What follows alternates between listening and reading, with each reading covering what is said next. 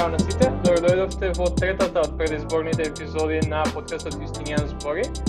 Со нас денеска е вице-премиерката на Република Северна Македонија и носителка на листата предводена од СДСМ во изборна единица 1, Мила Царовска. Добро дојдовте. Добре најдов. Благодарам на поканата. Да, ви благодариме за, за издвоеното време, бидејќи знаеме колку напорно може да биде изборната кампања. Па не ви должам многу и би започнал со прашањето која е Мила Царска пред да влезе во политика? Граѓанска активистка, социјална работничка, која што се трудеше да помогне на системот да воспостави механизми за намалување на сиромаштија.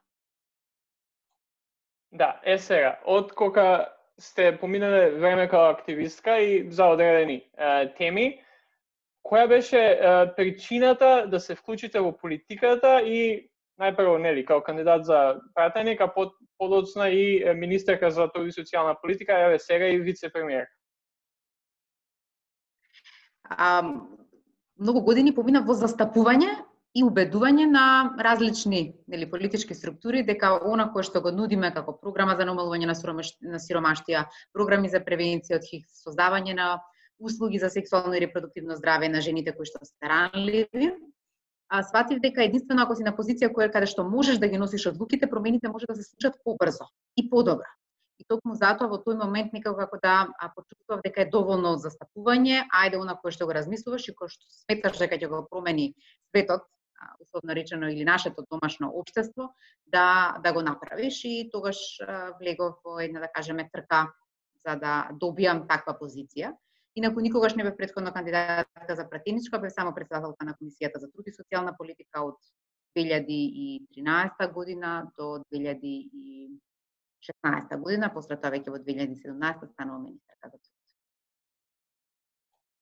Да, како како е да се биде политичар во Македонија, без разлика на годините, на, на, на, било што што може да биде дискриминирачко, едноставно како да се биде политичар и како како едноставно функционирате вие како политичарка сега, ево, последниве неколку години?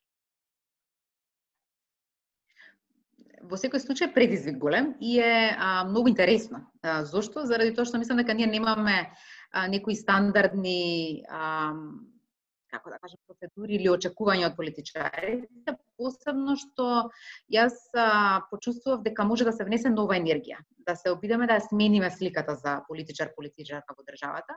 И тој активизам кој што го внесов, енергијата која што внесов во функцијата, мислам дека ми помогна никогаш да не стана да не влезам во калапот или да не се вкалапам во стандарден политичар политичарка во нашата држава. Инаку сите мислат дека е едноставно, дека има многу привилегии. Јас сакам да кажам на сите дека не е така. Дека животот станува потежок а, и тоа го прави јавноста.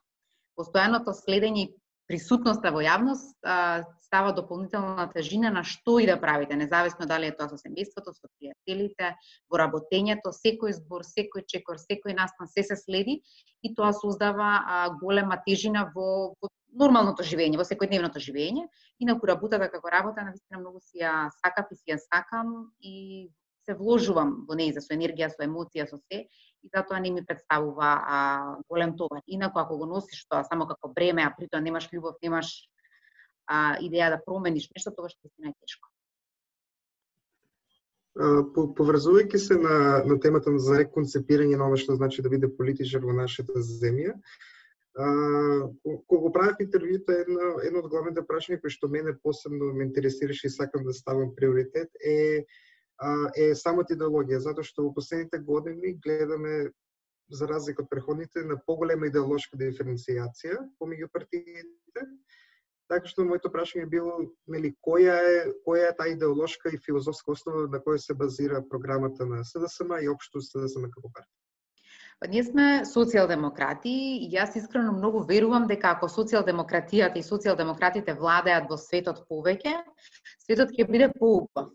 А ја тоа го покажавме во нашето општество.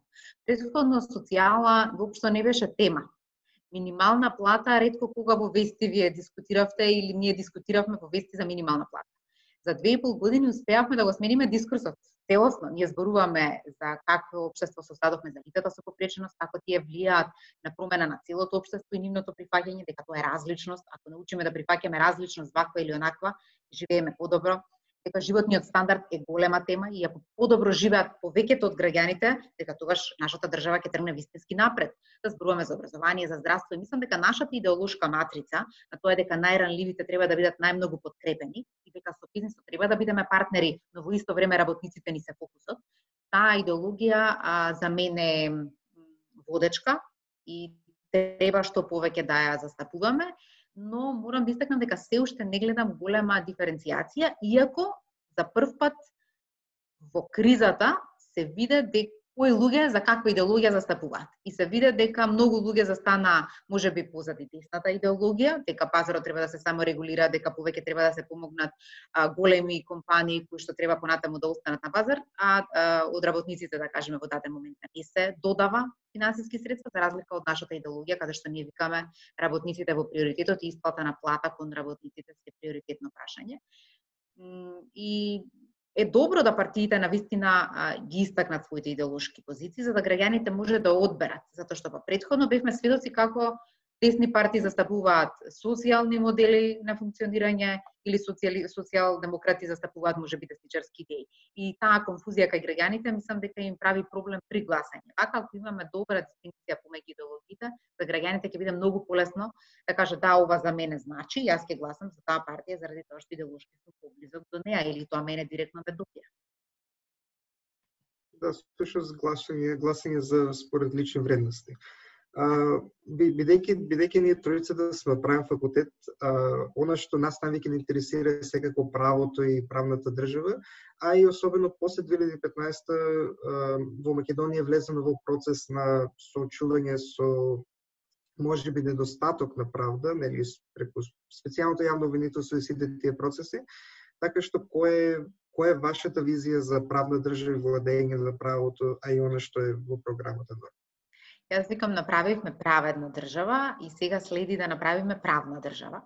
Мислам дека контурите ги воспоставивме, законски велам, но воспоставувањето на правда, вистински, ќе следи во наредниот период само ако сите граѓани веруваат во правда и веруваат дека правна држава е можна, но исто така правосудниот систем треба да заеднички рамо до рамо застане со граѓаните и со другите институции и да кажат стоп на се она што значи неправда. А, затоа што политиката се обидува, еве ние сосема се трудиме да ги тргнеме рацете од правосудниот систем. Да направиме закони во кои што тие самостојно ќе одлучуваат. Но како ќе одлучат сепак зависи од нив. Затоа продолжуваме и со јакнење на капацитети нивно и со создавање на нови суди и јавни обвинители за да може да се обнови или да се освежи таа структура, секако дека меѓу нив има навистина многу честни, многу луѓе кои што веруваат во правда, тие треба да им се даде шанса и понатаму да го водат овој да го водат овој систем. Секако дека велиме 5% од а, случаите во донесени во последните 5 години, пресудени, ќе бидат ревидирани и од тие анализи ќе добиеме податоци на кој начин може би се правеле некои работи, и со застарувањето на случај треба да го престанеме. И треба да значи дека ако застари одреден случај треба да има директно по службена должност или а, директно разрешување на тој судија на кој што му се старува а, случајот, граѓаните да се наградуваат кои што ќе пријават корупција, да тие станат партнери, како да кажеме со дануците, со мој дедеве, што успеавме да што поголем број на граѓани бараат сега сметки, тие самите стануваат инспектори, дајте да го направиме истото и со со корупција, да ги поттикнеме граѓаните да пријават и за тоа да бидат наградени.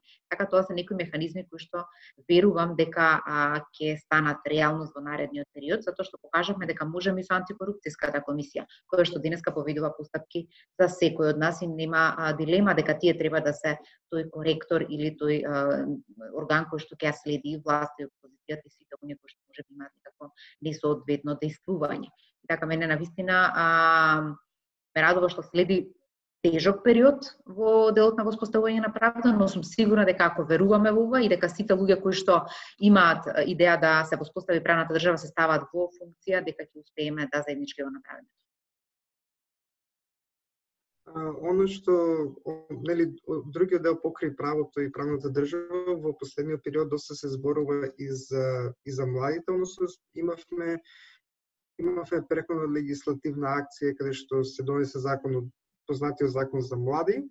А, така што овде би ве прашал која е која е која е младинската програма која која што се да се не застапува, а во склоп на тоа и планот за за реформи во образованието, посебно со акцент на високото образование. А, во однос на младите, мислам дека успеавме да направиме мерки со кои што економски ги јакнеме младите и ги поврзуваме со институциите за да им ја вратиме довербата дека и нашата држава има понуда за младите да останат тука. А, затоа ја воведовме младинската гаранција, од тоа што имаме излаз 33%, и тоа е одреден европски стандард, го работевме целиот целата програма по словенскиот модел. 20.000 млади лица минатата година влегоа во младинска гаранција, 6300 се вработија од тие кои што влегоа во систем на младинска гаранција. И ако ме прашате што е причината, како ете, до сега не се вработувале, сега се вработуваат, а, мора да кажам дека утврдивме голем недостаток на доверба во Агенцијата за вработување од страна на младите луѓе.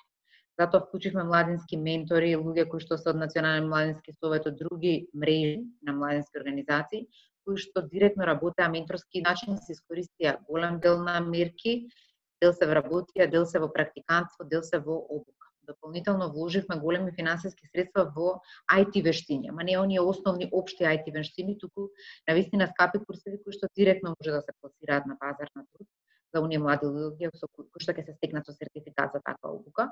И со тоа обезбедуваме високо квалитетни или високо платени работни места за младите луѓе и тоа може да биде тука да работат аутсорс и за други земји во светот законот за млади го донесовме, таму предвидовме младински центри, кои што токму во програмата предвидуваме дека ќе се отворат во период од 4 години во сите општини, за да бидат спратилиште на младите каде што ќе добиваат информација, ресурсен центар од кој што ќе се хранат младите и кој што тие ќе имаат можност некаде да пласираат одредена своја програма, идеја а, и да а, ги придвижат другите млади на локално ниво, затоа што сметам дека може би Скопје има понуда за младите, но другите општини се уште треба да развиваат програма и поддршка за младите луѓе. Образованието е клучот за секое добро општество. Ако имаме добро образование од предшколско, основно, средно, високо, а, тогаш имаме и квалитетен кадар, немаме проблем никаков да обезбедиме кадар, а тоа, и, тоа ни укажува дека економијата нема да има проблем да биде попродуктивна и да имаме подобар, подобар приход во буџетот преку плаќање на даноци од компаниите кои што функционираат.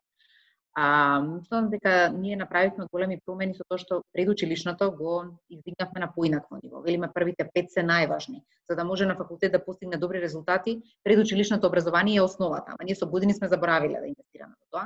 Сега инвестиравме во поголем пристап во предучилишно образование кај, кај децата, но ја менуваме и програмата за да имаат и социоемоционален развој во градинките затоа што целото образование светот го реформира во насока да не а, колку ти ќе се стекнеш со одредена вештина, туку да научиш да брзо стекнуваш вештини и брзо да се преквалификуваш и да се адаптираш на новите услови, затоа што светот се менува пребрзо, тоа дека ти од прво завршиш после тоа факултет на 20 2-3 години светот се променил.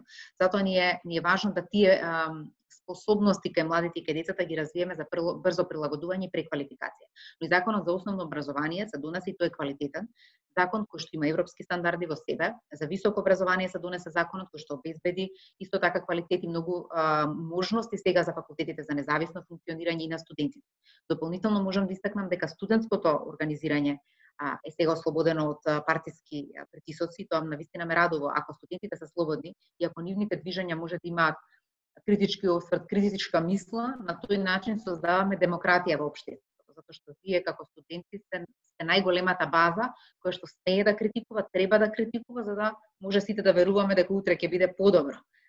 А, така да мислам дека на вистина во наредниот период фокусот ќе биде на здравство и на образование. Средното образование треба да се дополни посебно во делот на стручно а, и техничко образование, затоа што без да имате стручен квалификуван кадар, многу тешко може да ја развивате економијата. Во нашата држава на вистина не достига квалификуван кадар кој што ќе може да биде ставен во функција посебно на производствени капацитети и затоа ги врзуваме компаниите со средните училишта за да им се обезбеди а можност на учениците уште во средно образование да се стекнат со вештините потребни да бидат активни на пазар на труд. Да не заборавиме дека и законот за практикантство го донесовме, се во насока на подобрување на знаењата пред да стапат на работно место одредени и студенти и млади луѓе. Ако вие одите на факултет или во средно училиште и не се стекнете со директно а, знаење за одредено работно место, тешко кој ќе ве прими на работа. Затоа а, обезбедивме да практикантството стане законски регулирано и да понатаму компаниите може преку практикантство да се црпат и вработени во, во своите сектори. Да, една од најгорливите проблеми според мене на едно општество е доходовната нееднаквост помеѓу најбогатите и најсиромашните. И следно прашање ми е околу тоа. Според Министерството за финансии од 2017 година, кој што извадува определен извештај, тврдат дека Македонија на прво место во Европа според доходовната нееднаквост. Па ме интересира ваш став околу тоа како би го решиле вие тој проблем. Па со постојаното зголемување на приходите кај секој поединец, ние а, директно влијаеме на подобрување на економската состојба на 30 околу 30.000 домакинства со тоа што за 300% се качи гарантираниот минимален приход, се воведа детски образовен додаток за децата да имаат еднаква шанса кон образование и еднаква шанса за старт како и останатите деца. Дополнително воведовме државна социјална пензија затоа што имавме над 6000 лица од 65 години кои што а, нема никаков приход и зависеа од милостина. Тие денеска примаат финансиски средства, со тоа директно влијаеме на намалување на длабочината на сиромаштијата, но со покачувањето на минималната плата и просечната плата директно се влијае на подобрување на животниот стандард на работоспособното население кое што е на пазар на труд. Овдека влијаме на работоспособност да со гарантиран приход, работоспособно, но кое што не е на пазарот случајно, кое што не работи, а додека со минималната и со просечната плата директно влијаме на намалување на еднаквоста кај оние кои што се работоспособно и вработено население, затоа што знаеме дека најголем феномен и во Европа е вработени сиромашни. Ние сакаме да тој процент на вработени сиромашни го намалиме. Но а, исто така а, со процесот на воведување на прогресивниот данок се направи одредено поместување, сега се стави тој на пауза, но јас сум сигурна дека во наредниот период ќе успееме да изнајдеме сили и да се направи соодветен модел да прогресивниот данок во државата стане реалност и да на тој начин понатаму правиме распределба на средствата, затоа што некако ми е нереално да гарантирате рамен данок кој што ќе биде низок, а да гарантирате и бесплатно образование кое што е квалитетно, бесплатно здравство кое што е квалитетно, бесплатна социјална заштита и услуги кои што се квалитетни. Социјалните држави и државите кои што се развиени и кои што имаат ниска а, или а, слаба нееднаквост, а имаат а, високо ниво на а, квалитетна распределба на приходите во општеството, се токму оние кои што имаат прогресивен данок. Мислам дека ние треба да се стремиме натаму. Да, го споменавте прогресивниот данок. Оваа влада го воведе овој прогресивен данок после една долга пауза, но по за кратко време и го прекина тој прогресивен данок. Затоа велам ставивме на пауза се со цел да, да се изанализираат уште еднашка сите можни модели, затоа што имаше дискусија за ефектите. А, мислам дека во секој случај требаше можеби да се почека да се видат вистинските ефекти и да се може би моделира, не да се стави на пауза, но сепак владата е колективен орган кој што заеднички ги донесува одлуките. А, и тука се сметаше дека е подобро да се стави на пауза, па сега се прават анализи за да се види кој е најдобриот модел кој што може да се врати. Би имали дни на овој данок во Македонија? Па со оглед на тоа што Македонија се стреми, Северна Македонија се стреми кон развиените европски земји, а, тие секако дека имаат прогресија во се и во плаќање на услуги, имаат прогресија во плаќање на данок и а, тоа е еднината. Ние се стремиме кон тие земји и мора да ги почитуваме тие стандарди. Да. Моментално минималната плата е 14.500 денари, која во предходниот период се зголеми. Ме интересира дали во, во следниот период, во иднина, доколку доколку СДСМ и коалицијата се повторна власт, дали би гледале продолжено зголемување на минималната плата. Да, да, апсолутно. Со растењето на минималната плата растат и расти просечната плата. Има капацитет нашата економија да го издржи тоа, но секако поврзано со сите други параметри, за да не се случи со притисок кој што е неоснован на минималната плата, може да се случи негативен или отпуштање, негативна работа. Затоа мислам дека ние како до сега така и натаму, преку социјален диалог, преку економско-социјалниот совет ги донесуваме тие одлуки во моментот кога сме спремни, кога сите економски проекти кажуваат дека може да оди минималната плата нагоре, оди. Токму затоа и нашето ветување дека е во период од 4 години или еден мандат, таа ќе може да порасне до 40% од сегашното ниво, секако пост-ковид период, затоа што во овој период а, треба да се размислува да се а, задржат отворени работните места и што поголем број на работници да останат на работните места, макар и со платата која што има, да, да не се прави притисок да може би ќе достигне до може би затварање на одредени работни места. Затоа одиме внимателно и секогаш сме оделе преку диалог до зголемување на минималната плата, така продолжуваме и понатаму. Пред скоро време Уставниот суд го прогласи Законот за заштита од дискриминација како неуставен поради определени проблеми при парламентарната процедура за негово донесување. Иако е евидентна потребата од, од овој закон во Република Северна Македонија, но битен беше овој закон и од меѓународната заедница како услов за добивање на датум за преговори. Ме интересира Како ќе биде иднината за овој закон, дали повторно ќе се донесе? Овој закон ќе се донесе, јас тука немам дилема, не само што Европската унија го бара од нас, туку затоа што е необходен и затоа што граѓаните го бараат овој закон. А, тој а, се укина од Уставниот суд заради техничко прашање. Мора да истакнам дека тој си се гласаше со потребното мнозинство, но Ѓорги Иванов како предходен председател, кој што веројатно сметаше дека не треба да имаме закон за а, ни дискриминација, не го подпиша, па се врати назад, па повторно гласање и тука се случила одредена одреден технички пропуст од страна на собранието во моментот на испраќање до.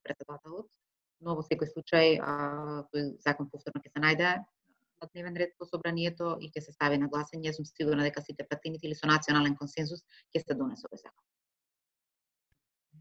Моментално живееме во во едно време каде што имаме еден вирус кој што предизвика една сериозна здравствена криза, но настрана од здравствената криза и една економска криза. Секој ден се зголемува се бројот на заразени, бројот на починати лица. Ме интересира ваш став и став на владата околу причините зошто ескалира нова ситуацијата и дали во ваков период на ваква здравствена криза е потребно да се оди на избори и на избори на ваков начин, односно со физичко присуство. Дали би можело да се испланирале овие избори некој поинаков начин, пример преку пошта?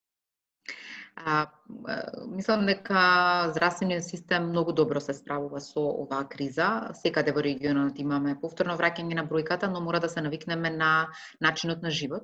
И ако денеска одите во маркет или одите на кафе, е еднакво а, ризично или неризично, зависно дали ќе се заштитите и ако одите на гласање сметам дека ако се испочитуваат сите процедури, протоколи и секој од нас носи маски, прво ќе направиме заштита а, и превенција од понатамошно ширење на вирусот, ама сите како граѓани треба да сме свесни и да тоа го правиме, да постојано ги користиме мерките на заштита, а истото секако да го направиме и на денот на гласање. Но на нашата држава необходен е парламент и функционална политичка влада, затоа што сега се носат големи одлуки, се носат тешки одлуки. За прв пат светот и нашата држава се соочува со ваков предизвик.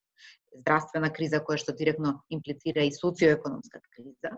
И затоа сметам дека а, не можеше да ова се одлага понатаму и дека функционален парламент ќе придонесе за подобро справување со оваа криза и секако политичка влада уште подобро ќе се справува со оваа криза а, дали можеме електронски да гласаме или по пошта, во моментов сметам дека такви услови нема во нашата држава. Да не заборавиме дека регистрите се уште се средуваат помеѓу институции, ако треба да разменат податоци, затоа што јас бев министерка која што водеше процес на социјална реформа и за прв пат го поврзав Министерството со сите институции да можеме да ги влечеме електронски податоци. И тоа ни се случува, но за такво прилагодување ни беа потребни 6 месеци, за да сме сигурни дека секој податок кој што го влечеме од институција е проверен и е точен и во тој момент кога издаваме решение или за остварување на право или за одбивање, сме сигурни дека е тоа така. Така да во наредниот период на регистарот на население, ако се направат сите останати поврзувања со сите институции и сме сигурни дека од институциите се влечат соодветни податоци, ќе се понатаму воспостават и механизми за можно електронско гласање. Во светот ова постои, не е нешто кое што не е воспоставено во светот, има и во пошта, дури имате можности за промена на својот глас до последен ден, може да гласате за еден па да гласате за друг во, во последниот момент, но сепак како држава се стремиме кон таков тип на демократија и таква функционалност на институциите и јас мислам дека заеднички во наредниот мандат ќе го видиме тоа и како реалност.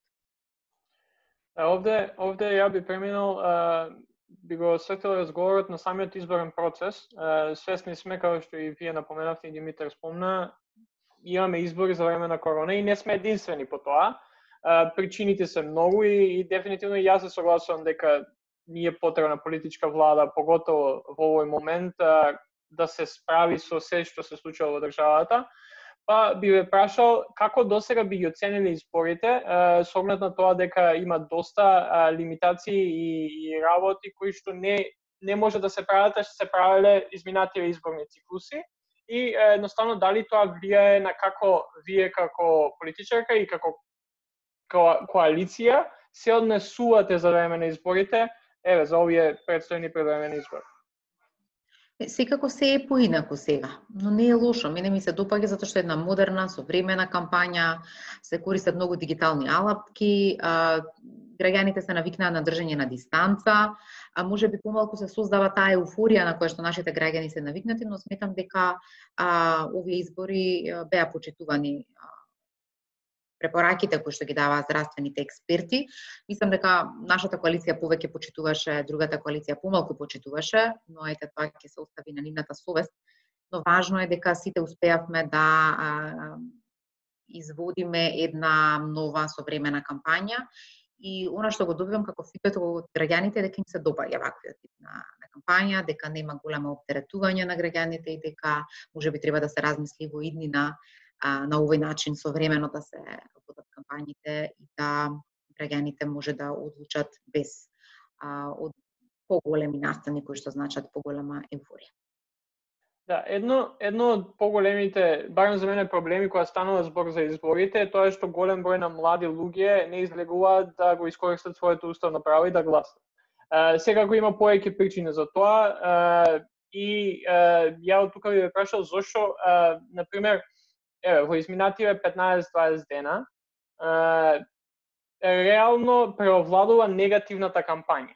Дали тоа е од една партија, од повеќе партии, секако, барем ја тако впечаток добивам дека колку и поединци како вас и како некои други политичари да се трудат да водат позитивна кампања, сепак впечатокот е дека на национално ниво, на ниво на партии, на коалиции, се уште превладува тоа гласајте против, а не гласајте за, што а, мислам дека води и кон тоа младите луѓе да бидат демотивирани да излезат да гласат.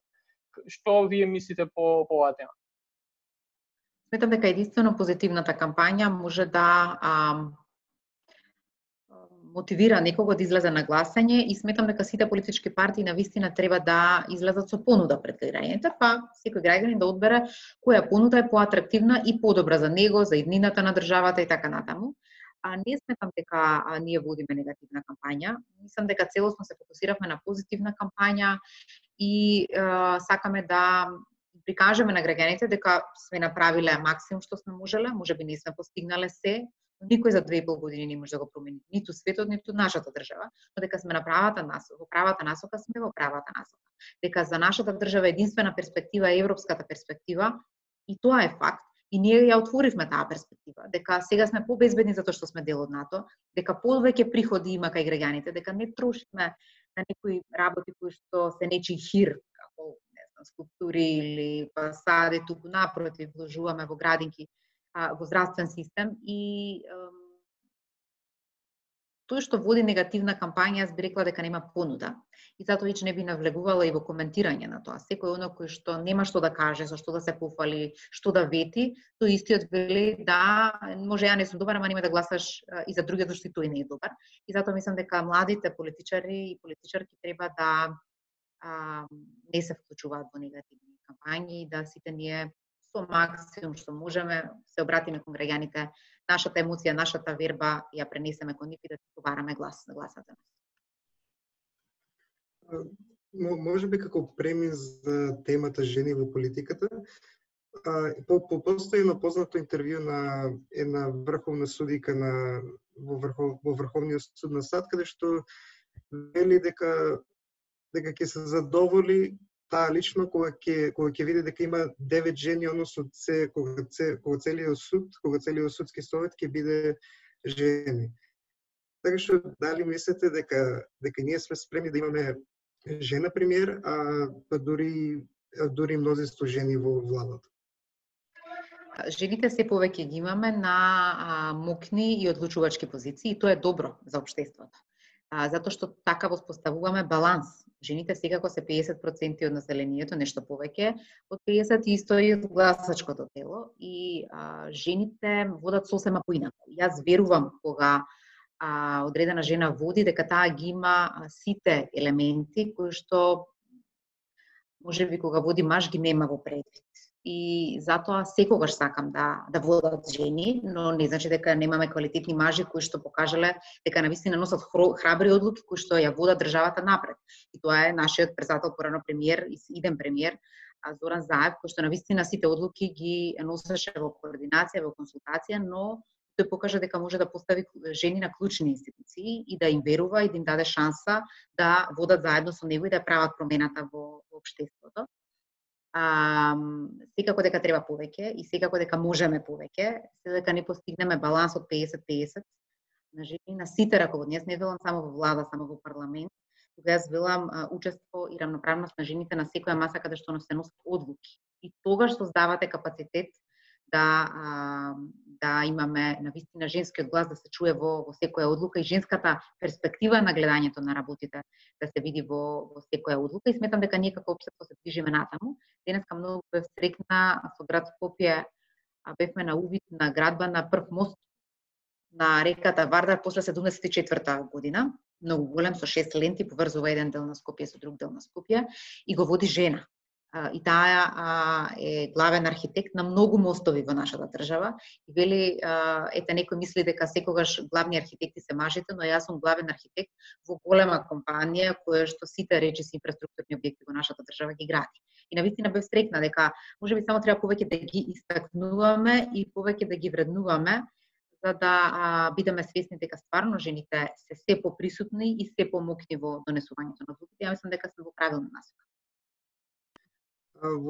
Исто така во 2019 вие кога се одржа првата парада на гордоста во Скопје, вие бевте една можеби од ретките политичари од нашето од нашето собрание влада кои што излезе а, да даде поддршка, а и оние што излегоа што беа повеќе жени. Што мислите за ваквиот феномен?